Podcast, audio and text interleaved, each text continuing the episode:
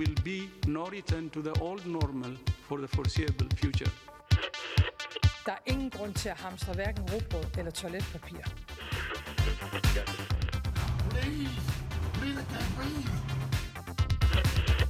No politician in history has been treated worse. To use this beautiful game to actually change the world. Хотел бы ещё раз. поблагодарить всех, кто сделал свой ответственный выбор. We will succeed, and that success will belong to every one of us.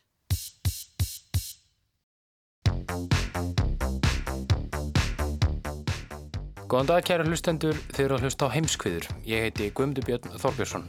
Og ég heiti Birta Björnsdóttir. Í heimskviðum er fjallað um það sem gerist ekki á Íslandi.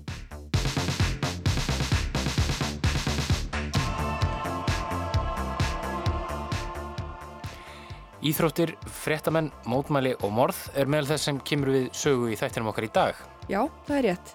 Þú ætlar að setja á því markmannshanskana og segja okkur frá íþróttum og aktivisma, þeim ágæta koktel, er það ekki?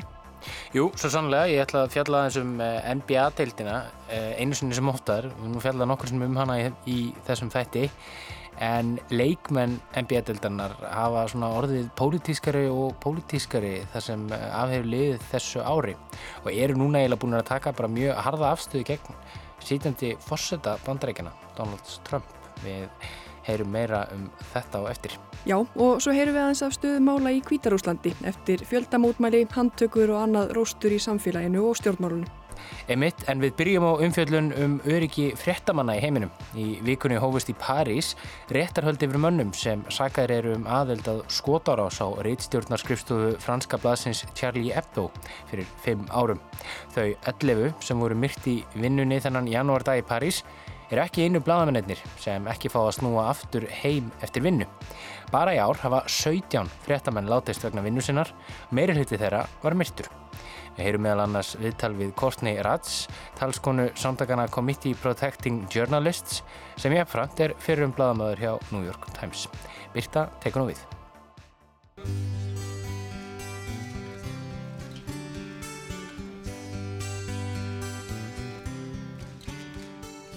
Engin talar um missin okkar, okkar fjölskyldunar og allra vinaðinnar víða um heim.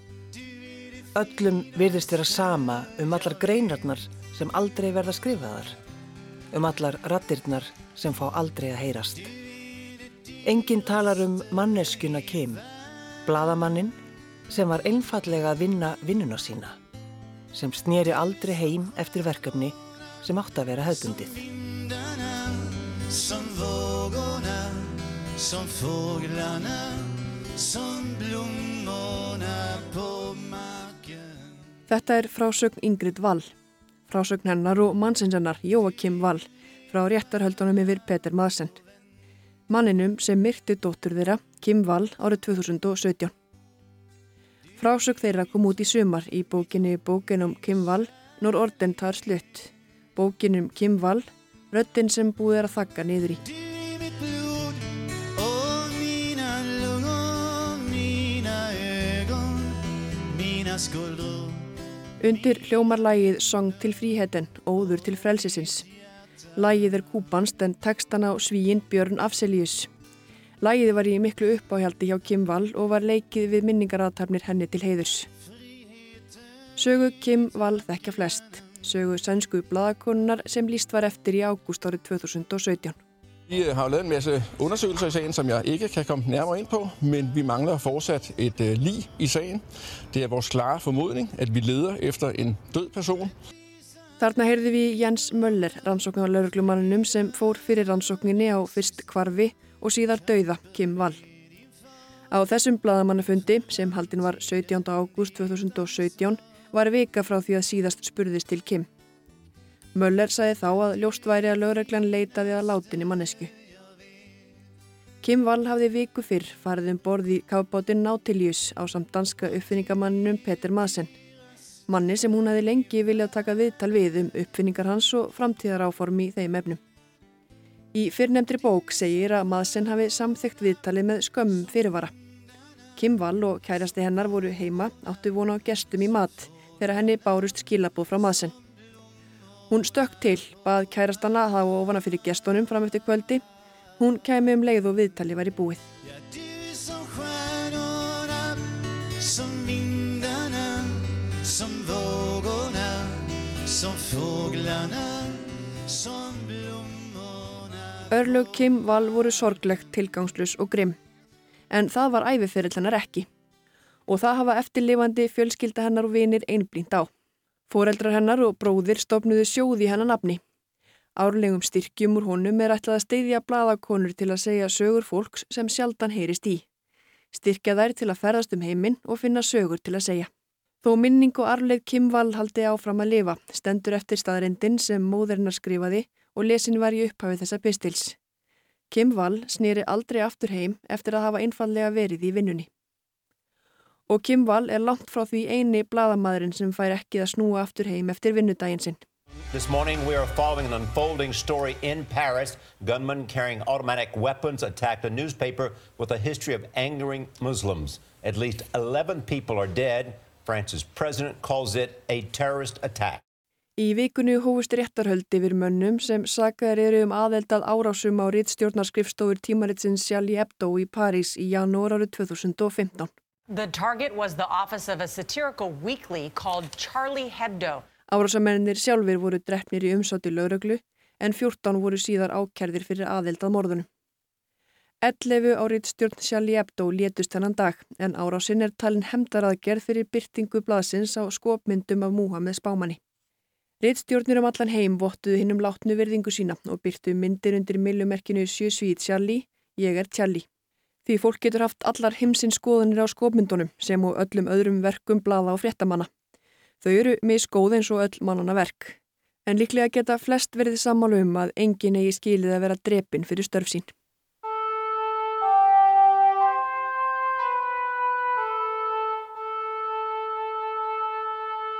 Það sem aðverð þessu herrans ári 2020 hafa 17 bladamenn dáið vegna vinnu sinnar. Sumir þeirra létust í hættulegum aðstæðin við fréttaöflum á stríðsvæðin.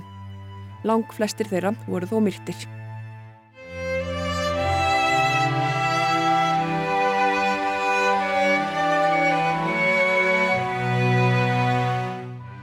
Eitt þeirra er indveski bladamærin Shubham Mani Tripathi sem skrifaði fyrir Kampu Meil í Uttar Pradesh. Þann 19. júni síðastliðin var ráðist á hann þegar hann var á heimleið á móturhjóli á samt vini sínum. Tripati lést af sárum sínum skömmu eftir komuna á sjúkrahús. Rannsók lauruglu leiti í ljós að morðið á Tripati var skipulagt af fastegnaverktakan okkur. Konuðanabni Díva af Sati. Blaðamæðurinn Tripati hafði skrifað greinar og stöðu uppfæslur á Facebook með upplýsingum um verkefni sem hún var með á sínu borði. Um ásaganir um að þar væri ekki í öllu farið eftir lögum og reglu.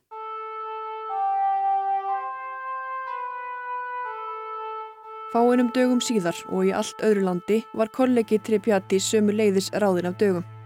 Hann hétt German Valesilo Yngri, frettamæður fyrir Kanal 45, enga rekna sjónvastöð í Honduras. Valesilo var í bíl á samt myndatökumanninum Jorge Posas. Þeir voru að leið aftur til vinnu eftir að hafa skroppuð út í háttegin og fengið sér að borða. Tveir vopnaðir menn komu aðvífandi og skutu tólf skotum að bílnum þeirra. Þeir miðuðu aðalega á Valesilo en ein kúlan hæfði Posas. Þeir létust báðir samstundis á 41. ammælistegi Vali Sílós.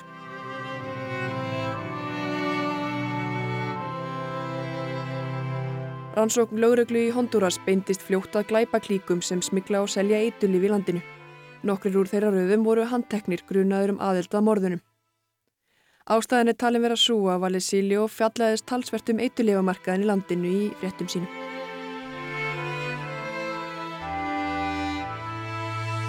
Tölfræðin og frásagnirnar eru fengnar frá samtökunum CPJ, Committee to Protect Journalists.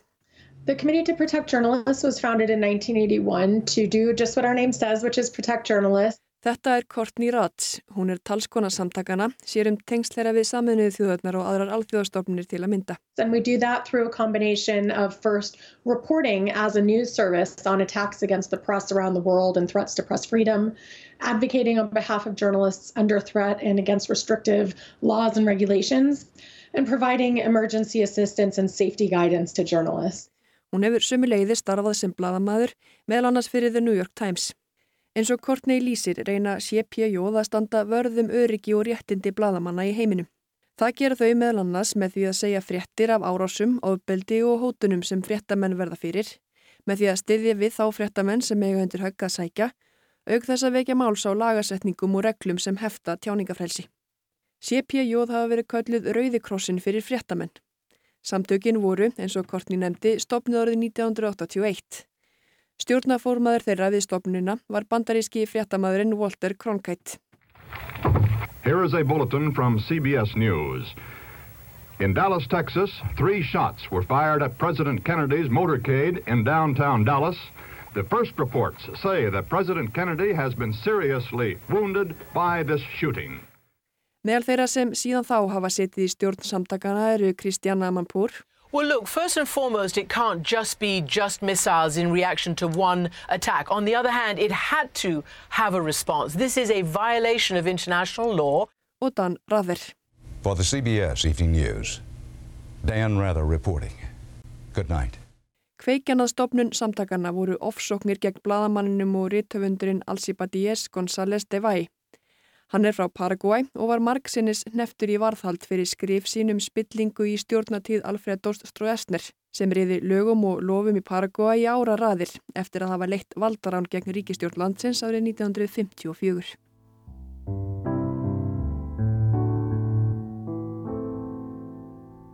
Þó í grunninn sé starf samtakana það sama í dag og við stopnum þeirra hefur margt í starfseminu þó breyst. Sífælt betri tækni gerir stærri hóp klefta stunda fjölmiðlun. Ný tækni býður svo sömu leiðis upp á fleiri möguleika fyrir þau sem vilja stýra umræðu og upplýsingum. Aug hótana, ofbeldis og jafnvel morða geta blaðamenn nú átt á hættu ímiskonar stafrænt ofbeldi. Að með þeim sé fylst, aug þess að mörg þekkja tölvu árásir og gagnastuld á eigin skinni.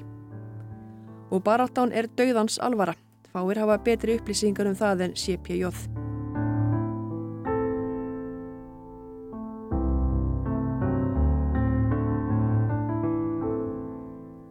En CPJ eru ekki einu samtökin í heiminum sem láta sér tjáningafrelsið varða. Amnesty International er málefnið sömu leiðis hugleikið. Þetta er Anna Lúðvíksdóttir, framkvæmdastjóri Amnesty á Íslandi.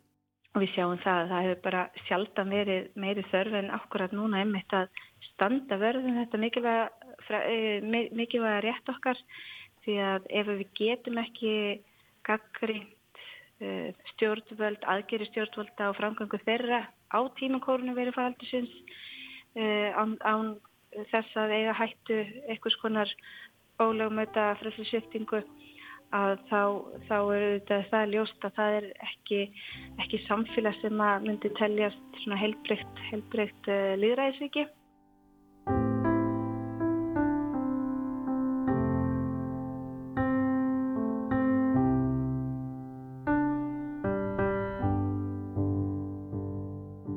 Það eru nefnilega ekki bara eituleifja barunar, halsvíraðir viðskiptamókular og aðrir sem setja sig upp á móti skrefum bladamanna. Stjórnvöldum í mýmörgum löndum hugnast oft ekki um fjöldun fréttafólks. Samhljómur er í svörum önnu og kortnei þegar þær útskýra aðferðir sem stjórnvöld nota gjarnan til að þakka niður í fjölmilafólki.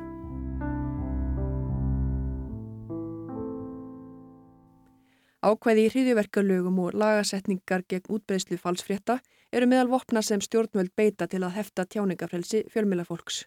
Anna hjá Amnesty segir að í kórnuveru faraldrinum hafi slíkum dæmum fjölgað.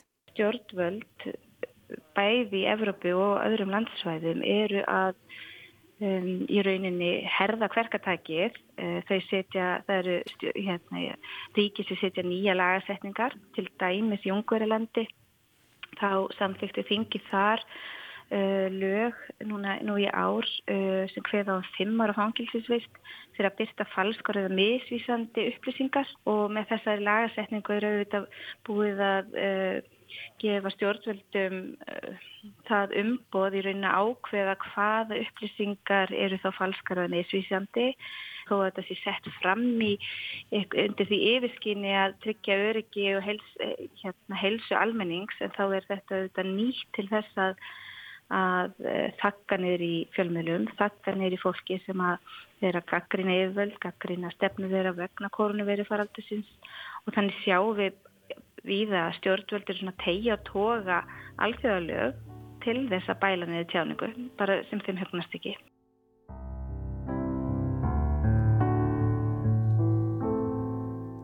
Kortnei tekur sem fyrr segir í sama streng og segir samtökin merkja mikla aukningu í fjöldamála þar sem bladamönnum eru setta skorður fyrir það sem stjórnvöld telja brota á lögum um falsfréttir.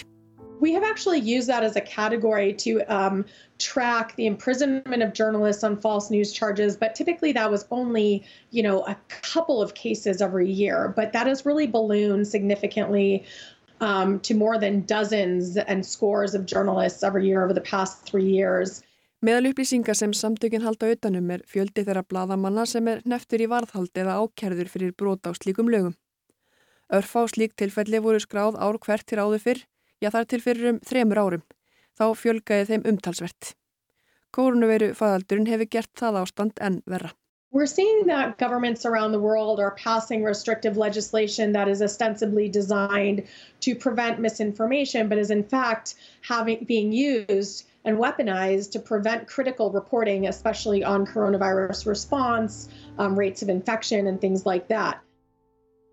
Við erum með dæmi til dæmis uh, frá Egiptalandi. Þar var nú bladamæður handtekinn í mars á þessu ári þar sem hann drópar í Eva ofinbæra tölu stjórnvalda þar í landi um fjölda smita og hann setur þetta fram á Facebook síðinu sinni.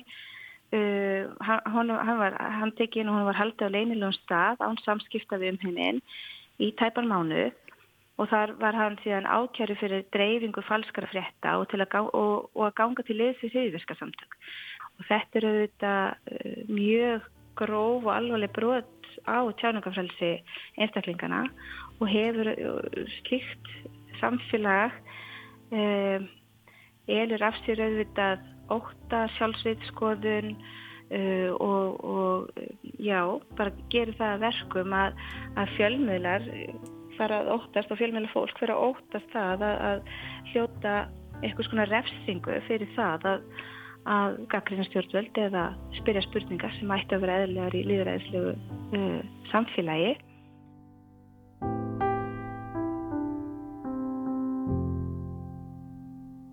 Kortni segir að þessi starfstjett, blada og fréttafólk sem mögulega eina starfstjettin þar sem fólk er reglulega myrt fyrir það eitt að vinna vinnuna sína.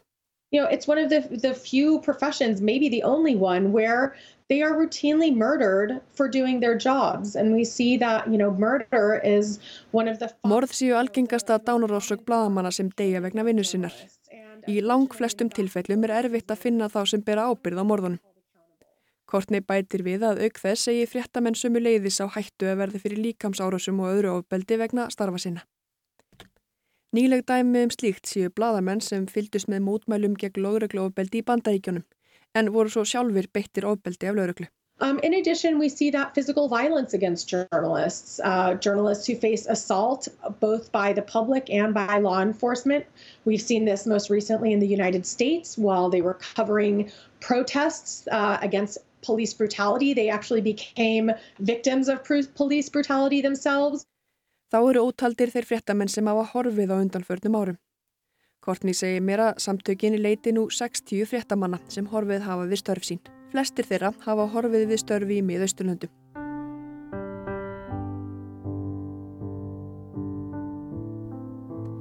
Þeirra á meðal eru líbanski bladaljósmyndarinn Samir Kassab og máritanski bladamæðurinn Itzak Uld Mokhtar sem báðir unnu fyrir Sky News Arabia í Abu Dhabi.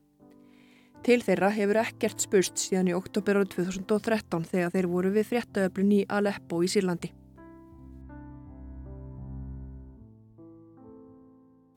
Í síðasta mánuði leftu samtökin CPJ af stokkonum átæki undir yfirskriftinni Missing Not Forgotten. Horfin en ekki glemt. Like many Lebanese, uh, youth, he didn't find the opportunity to work in Lebanon. So um, he, he decided to, to travel and try another country. Þetta er Rita Kassab, sýstir blaðaljósmyndaran Samir Kassab sem ekkert hefur spurst til í að verða 7 ár. Hún segir bróðu sinn alltaf að hafa haft áhuga á ljósmyndum, allt frá barnæsku. Líkt og mörg ungmenni fekk Samir fá tækifæri í heimalandi sínu og frestaði gæfunar í útlöndum.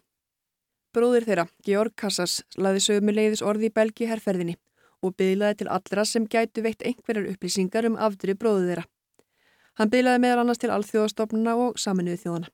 We, we like to, to ask uh, uh,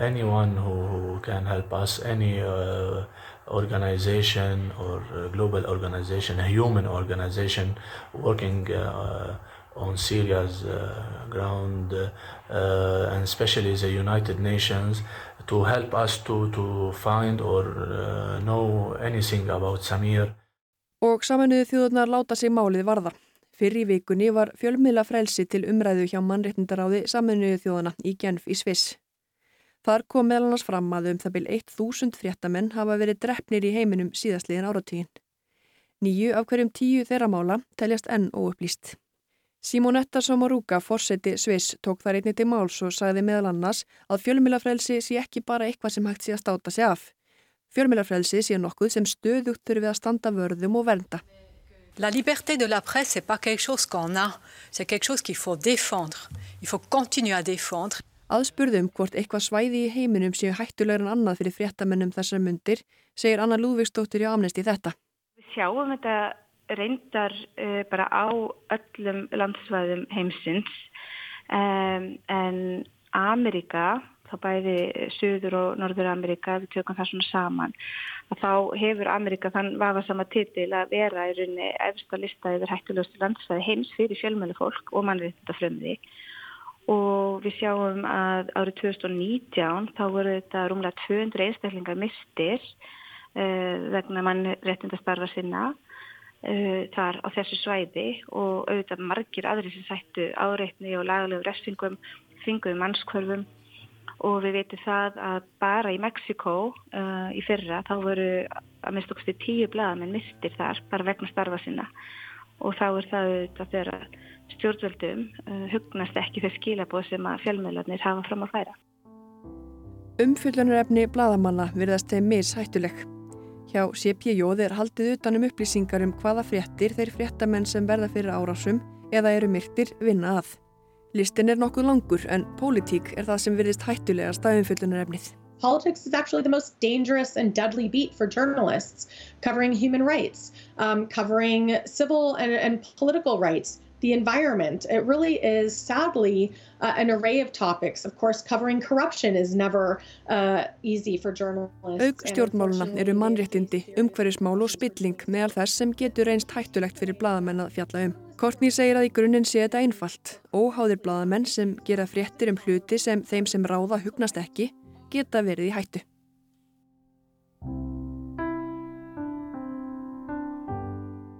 Nú sem fyrr í rauninni sæti fjölmjöla fólk gett þetta handtöku um ólöglu varðhaldi og ósangjarnum uh, rétturhaldum víða um heim.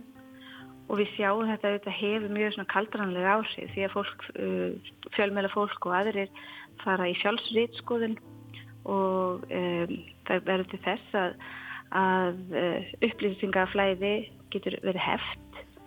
Og það sem að fjölmjöla fólk í rauninni bara óttast treinlega um öryggi sitt við það eitt að tjá sig. Kortni segir mikilvægi þess að standa vörðum tjáningafrelsi fréttamanna ótvírætti í líðræði samfélagi. Fréttaflutningur þjóni almenningi fyrst og fremst og veiti þeim sem ráða aðhaldi að fara vel með valdsitt. Mikið af þeirri vittnesku sem við búum yfir í dag er tilkomin vegna upplýsingar sem fréttamenn hafa aflað. I think the the reason that the Committee to Protect Journalists and the protection of journalists and press freedom is so important is because journalists ultimately serve the public. Much of what we know in order to be functioning citizens comes because journalists train the light on them. They hold those in, in power account. And so they are fundamentally public servants.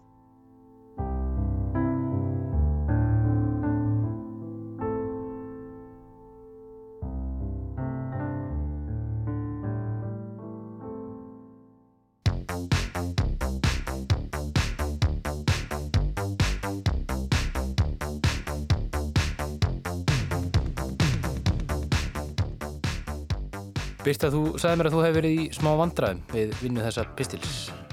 Já, eða svona, ég verði ekki að mér fannst aðeins núið að fjallaðum fæið sem maður starfa sjálfur í. Var einhvern veginn hrættum að fjallaðin væri kannski ekki nógu mikil í umfjöldunum mikilvægi þessa starfs. En svo náttúrulega les maður síðan frásagnir af fréttafólki sem er drepið fyrir það að fjallaðum ákveðin mál og þá einhvern veginn bara verður að taka allir umfjöldunar. Því eins og áður sagði það má hafa allar heimsins skoðanir á störfum fréttamanna sem eru ja, ólíkur hópur og hann er fjölmennur En að hótanir, ofbeldi og jafnvel morð sé eitthvað sem fréttafólk getur átt á hættu fyrir að vinna vinnuna sína eru þetta með öllu óbúðlegt. Ég er svo sannlega sammálað því og þessi samantækt tengist náttúrulega beint næsta umfyllunarefni, ástandinu í Kvítarúslandi. Já, hún gerir það. Eftir að upp úr sögði í Kvítarúslandi eftir fósittakostningunum á dögunum sem við höfum náttúrulega fjallað um í þættinum eins og þú sagði frá þann, þá eru fréttamenn meðal þeirra sem hafa áttundur högg að sækja. Sækot upplýsingum frá bladamannarsamtökum Kvítarúslands þá, hafa, þá voru 151 bladamæður handtekinn þær landi í síðastlinu mánuðu til að nefna eitthvað. Í fyrsta þætti hössins þá rættu við við Sofíu Orloski sem er sérfræðingur í málefnum Kvítarúslands. Uh, hún starfa fyrir Freedom House samtökinn í bandaríkunum uh, og þá voru mótmælinn í landinu ný byrjuð, fórsöktakostningarna nýjaf staðnar og allt hreinlega logaði. Ég ákvað að heyra þess aftur í Sofíu til að forvitnast um hver þróunin hefur verið og spurði hana fyrst út í einmitt þetta sem þú varst að tala um, öryggi, frétta og bladamanna.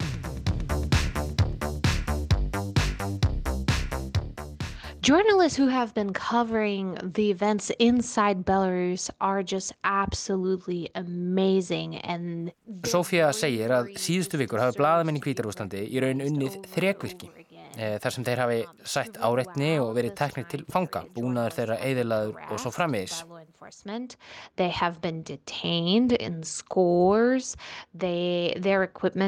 seized. Í síðustu viku hafi bladamenn frá Kvítarúslandi sem voru samt að vinna fyrir alþjóðlega fréttamela verið sviftir bladamannalifi sínu í landinu. Local uh, representatives um, with credentials working for international major um, news outlets like BBC, Reuters, Agence France Presse, um, and others were actually stripped of their accreditation. Og er þetta allt skipanir beint bara frá Lukashenka sjálfum eða hvað? Já, einmitt, hann telur svona að þeir veriðist í einfældni sinni, segir Sofía, að engir frjálsir fjölmilar síðan störfum í landinu þá sé hann hólpin og enginn utan Kvítarúslands komist að því sem sé að gerast þarna. En það er auðvitað kólránt á þeim tímum sem við lifum á í dag. Já, akkurat. En hvað sagði Sofía almennt um stöðuna í landinu núna? Hún talaði með um síðustu vikur það hefði stemningin í landinu breyst töluvert og mótmælein svona tekið á þessu annan blæ. Þau eru mjög friðsum en þau eru ennþá mjög, mjög fjölmenn. Protests in Belarus are now in their fourth week and the mood has changed substantially. Og þá sá hann einnig að konur verið mjög ábyrjandi í mótmælenda. Last time when we talked, um, it was just a few days following massive crackdowns when um, hundreds of people were uh, arrested or detained and violently beaten. And so what has changed is that the protests over the last two and a half weeks um, have been entirely peaceful. Moreover, we saw the emergence of women of Belarus as the key driving force, the key energy force behind these protests, especially in the last several days. Um, en það er eins og er engin endir í auksin. And there's no end in sight currently. En Lukashenka sjálfur, hver er hans staða núna? Það er náttúrulega hart sótt að honum úr mörgum áttum. Já, svo sannlega, en hann veriðist einhvern veginn ná að tróða marfaða.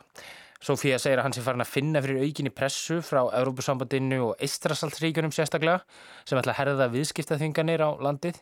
There's significant effort right now um, on behalf of European governments, um, especially in the EU and especially the Baltic states, uh, to introduce uh, sanctions against Alexander Lukashenko and his uh, immediate circle. We know en vilji fólksins er áfram skýr. Það vill hann segja af sér eða bóði til nýra og í þetta skiptið frjálsra kostninga. Það sem alþjóðlegt kostninga eftirleitt fylgist með. The people of Belarus are hoping for is that he would be forced to resign or at the very least call for new free and fair elections after uh, annulling the August 9th elections. And um, that would be, you know, the best outcome as people see it because most of the policy solutions are calling for this, the annulment of elections and the um, scheduling of new elections with independent international observers. Sofía segir kvítrúsa vera býða en þólemæðin sé brátt á þrótum. Og svo er það náttúrulega Tíkanóskæja, konan sem að öllum líkindum sigraði kostningarnar. Það heyrðist náttúrulega reglulega frá henni, er það ekki?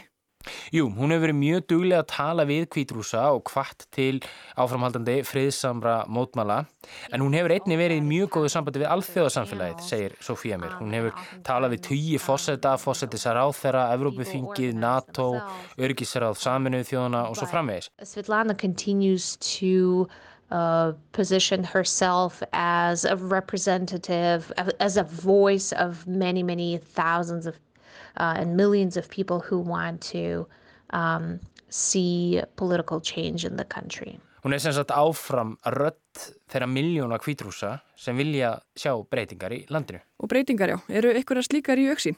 Það er erfitt að segja. Sofía segir Lukasenka mála sig meira og meira út í horn á hverjum degi. Hann á að vera svarin aftur í ennbætti í oktober e, og það er svona þessi tímarami sem kvítrúsar er að horfa til núna eða er að gefa sér hvað gerist þá í oktober.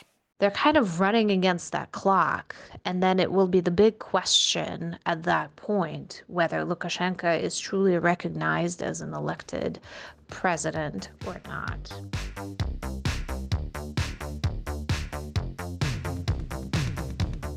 Akkurat, við fylgjumst að sjálfsögðu áfram með því hérna í þessum þætti en ætlum að láta staðanum í byli og halda frá kvítarúslindi til bandaríkjana. Því það varði uppi fótur og fyrt í síðustu viku þegar liðsmenn Milwaukee Bucks mættu ekki til leiks í einvíi sínu við Orlando Magic í NBA-deildin í Kvörubólta. Með þessu vildu leikmenn mótmæla því kerfispundna óréttlæti sem svartir bandarækjamenn eru beittir. NBA-deildin er orðin pólitísk, saði Donald Trump bandarækjaföðsiti og létt sér fátum finnast. Það andar köldu millir leikmanna deildarnar og fósittans. En hvaða áhrif hafa íþróttamenn á samfélagslegur umbætur? Guðmundur Björn fjalla nú um aktivisma og íþróttir. Í Disneylandi í Flórida er fymti leikur Milwaukee Bucks og Orlando Magic við það hefjast í úrslitakeppni NBA-deildarinnar í Korjubólta. Það er 20. og 7. ágúst. Leikmenn Orlando eru komnir út á gólfið að hita upp en Bucks liðar eru hverki sjáanleir.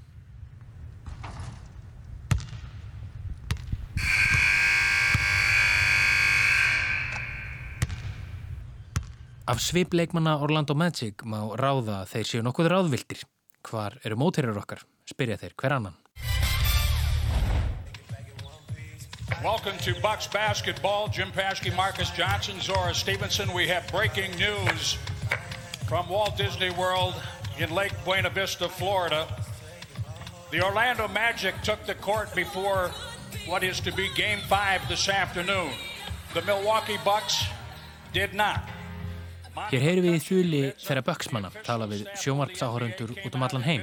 Orlando liðar eru komnir út á völl en Bucks liðar ekki. Hann heldur áfram. We are told that the Bucks are in serious discussion about perhaps not playing in game 5 today a closeout game against the Orlando Magic. Okkur er sagt að liðsmenn Bucks séu að íhuga að spila ekki þennan fymta og mikilvæga leiki í einvíinu gegn Orlando Magic, segir þulurinn ennfremur. Og það var það raunin. Leikmenn Milwaukee Bucks ákvaða að spila ekki leikin mikilvæga, sem þið sigri hefði tryggt þeim farseðilinn í undanúslit austurdeildarinnar. Þetta var stór ákvörðun. En fyrir þessu voru góðar og gildar ástæður. Flestir leikmanna Bucks eins og flestra liða í NBA-deildinni eru svartir og margir þeirra hafa þurft að þóla órétt alla sína tíð vegna hörundslitar síns. Why it is so hard to make it in America?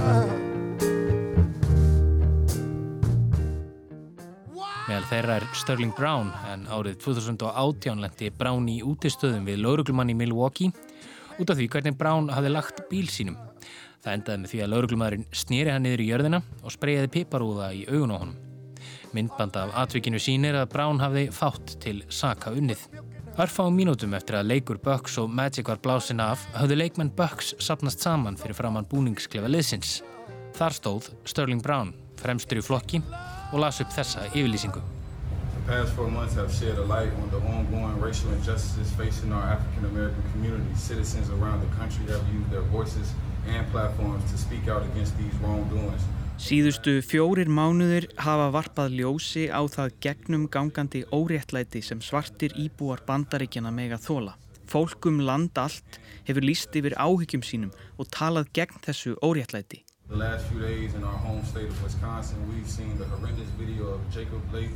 Being shot in the back seven times by a police officer in Kenosha.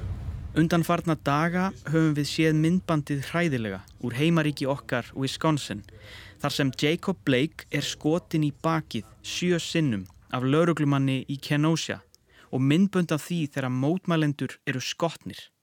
Þrátt fyrir yfir þyrmandi ákall um breytingar hefur ekkert gerst. Við sjáum okkur því ekki fært að einbeit okkur að körfubólta. So, our focus today cannot be on basketball.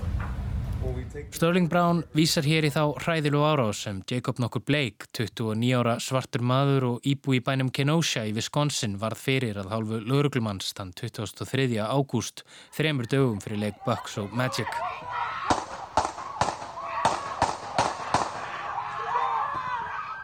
Blake var skotinn sjösinnum í bakið af stuttu færi af lauruglumanni þegar hann gerði sér líklegan til að ganga inn í bílsinn eftir að hafa strest á móti handtöku. Ótrúlegt þykir að Jacob Blake hafi komist lífs af.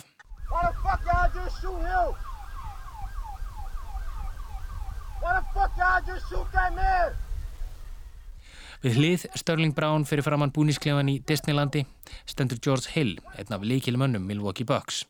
Hann tekur við af Brown og segir When we take the court and represent Milwaukee and Wisconsin, we are expected to play at a high level, give maximum effort and hold each other accountable. Þegar við förum út á völl erum við fulltrúar Milwaukee og Wisconsin.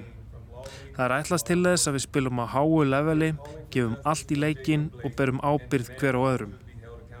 Við setjum þær kröfur á okkur sjálfa og núna erum við að setja þær kröfur á lögjafavaldið.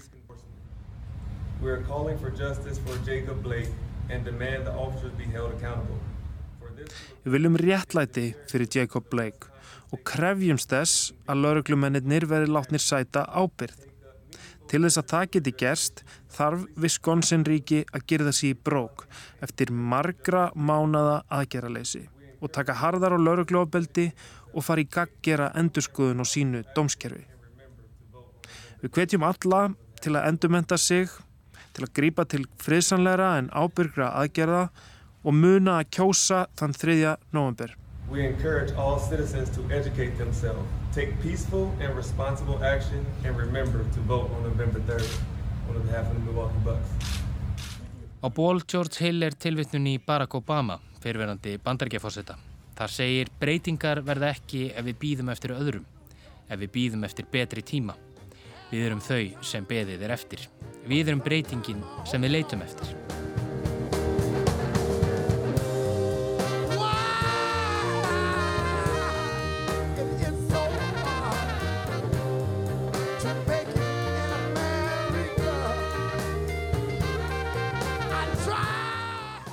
Já, og munið að kjósa þann 3. november, saði George Hill áður en hann gekk á brott á samt Störling Brown og liðsfélögum sínum. Við komum aftur að þessu með kostningarnar síðar í þessum pistli. So I said to myself Look like nothing gonna change I gotta move away from here Ákvörðunin skók körubóltaheimin en Bucks liðar fengu stuðning víða að og ruðningsáhrifin voru talsverð. Leikin var frestað í Major League Baseball hafnabóltadeildinni og bæði Karla og Kvennadeildum MLS fókbóltans. Naomi Osaka, einn skærasta tennistjarnar heims, ákvað sömuleiðis að hætta við þáttöku á opna bandaríska mestaramótinu.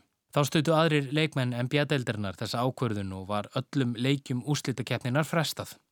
Leikmannasamtök NBA-deildarinnar funduði í kjölfarið og þar var ákveð að keppni yrði haldið áfram en aðeins að þremur skilirðum uppfyldum. Í fyrsta lagi er þið NBA-dildin í samvinnu við leikmenn að hrinda af stað átæki þar sem staðir er fyrir aukinni fræðslu um mikilvægi kostninga, borgarasamtök er þau eld og barið styrði fyrir breytingum á lauruglu og réttarkerfinu. Í öðru lagi er þið fólki gert kleift að kjósa í fósettakostningunum í haust í æfingastöðu liða vítum bandaríkin og hrætt við að smitast af koronavirunni. Í þriðja lagi fengi bóðskapur um félagslegt réttlæti að hljóma í auglýsingarlífum í öllum leikjum deildarinnar.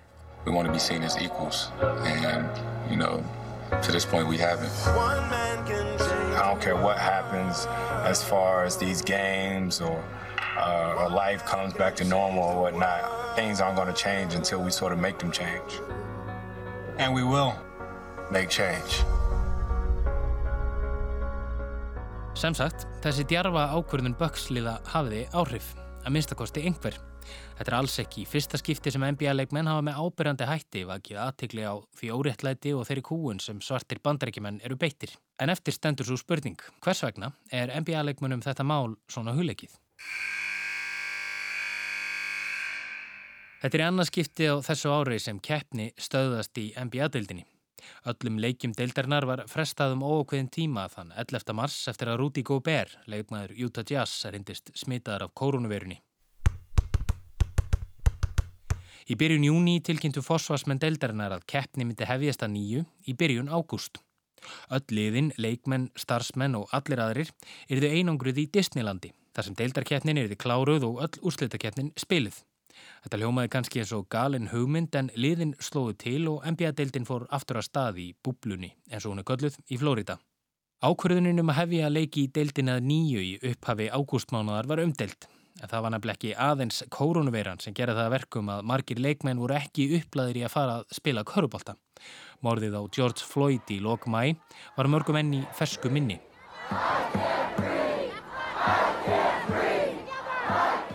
Mótmælinn sem tegðus út um allan heim voru leikmennum ofarlega huga og þegar deildin var endurrest bar hún þess glöggmerki. Í búblunni í Flórida stóð Black Lives Matter stórum stöfum á korubóltagólfinu og baki leikmanna stóðu skilabóðis og Justice eða réttleiti, Education Reform eða úrbætur í mentakerfinu, Peace eða Friður og I am a man eða Ég er maður. Á baki fjölmarkra leikmanna stóð Say Her Name sem vísar í þjóðfélagshreyfingu sem vekur aðtikli á kvennkins fornalöpum lauruglófaldis.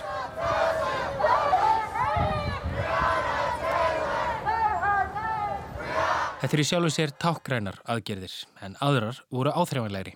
Deildin ákvaða að veita 300 miljónum bandarækjadala til stuðnings efnahagsleiri uppbyggingu í svörtum samfélögum í landinu.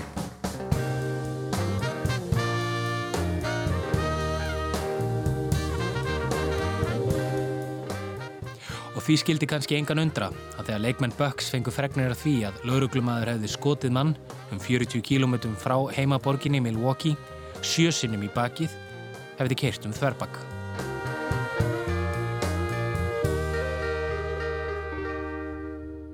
Sitt sínist á hverjum um viðbröð NBA-leikmana. Einu reglubreitingin sem stjórnendur NBA-deildarinnar gerðu þegar keppni hófst í byrjun ágúst var að heimila leikmunum að krjúpa meðan þjóðsöngur bandaríkina er spilaður áður en leikar hefjast.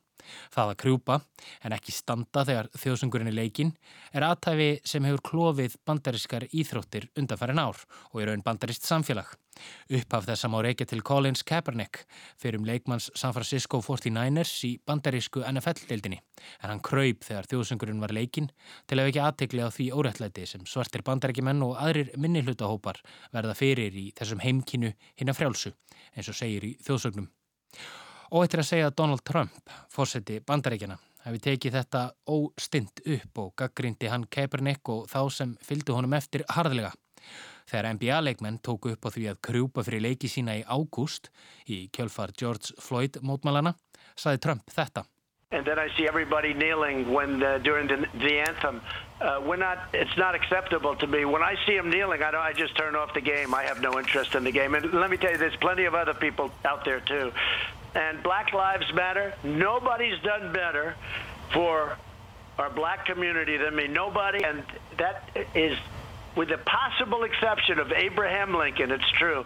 Þegar ég sé leikmenn krjúpa yfir þjóðsögnum, finnst mér það óasættanlegt og ég skiptum stöð. Enginn hefur staðið sér betur í að bæta kjör svartra en ég, saði Trump, nema kannski að Abraham Lincoln undanskildum. Þegar Lebron James, eitt besti korubóltamaður allara tíma og leikmaður Los Angeles Lakers var spurður út í þessu orð fórsetans, saði hann að leikmenn myndu ekki sakna þess að Trump fylgist með þeim. I really don't think the basketball community um, um, are, are sad about losing uh, his, his viewership and him viewing the, the game. Umræðan helt áfram í síðustu viku þegar Trump var spurður út í verkfallsaðgerðir NBA-leikmana í kjölfar morðsins á Jacob Blake. I don't know much about the NBA protest. I know their ratings have been very bad because I think people are a little tired of the NBA, frankly. Uh, but I don't know too much about the protest. But I know their ratings have been very bad. Ég veit ekki mikið um þessi mótmæli, saði fórsetin, en ég veit að það er ekki margir að horfa á NBA. Fólk er orðið þreytt á NBA. Og svo bætti hann þessu við. They become like a political organization and that's not a good thing. I don't think that's a good thing for sports or for the country. NBA er orðin pólitísk samtök. Það er ekki gott fyrir íþróttirnar og það er ekki gott fyrir landið, sagði fósittin Donald Trump. Why it is so hard to make it in America Trump hefur líklega rétt fyrir sér að einuleiti. NBA eru sannarlega orðin pólitísk samtök þegar leikmenn og forsvarsmenn deildarinnar beita sér með þessum hætti fyrir því að hagur svarts fólks í bandaríkunum sé bættur og vekja aðtegli á þeirri kúun og því óréttlæti sem þau verða fyrir á degi hverjum. Það er erfitt að skilja hvers vegna það eitt og sér sé ekki gott fyrir bandaríkin eins og fórsetin vil menna.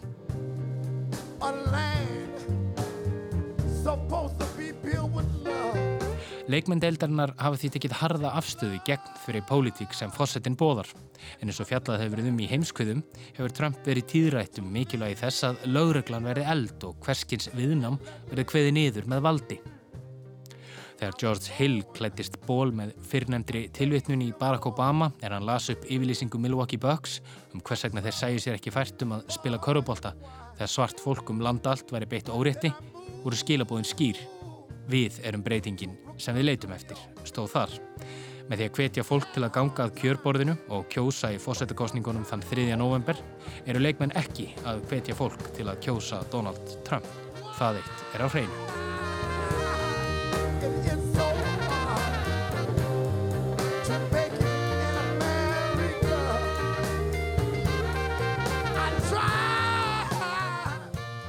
Sjaldan eða aldrei hafa íþróttumenn tekið að skýra afstöðu gegn ríkjandi þjóðarleituða og nú, hvort þá eftir að hafa áhrif í november og eftir að koma í ljós. So I said to myself, look like nothing gonna change. I gotta move away from here. I went upstate New York, a little town they call Poughkeepsie.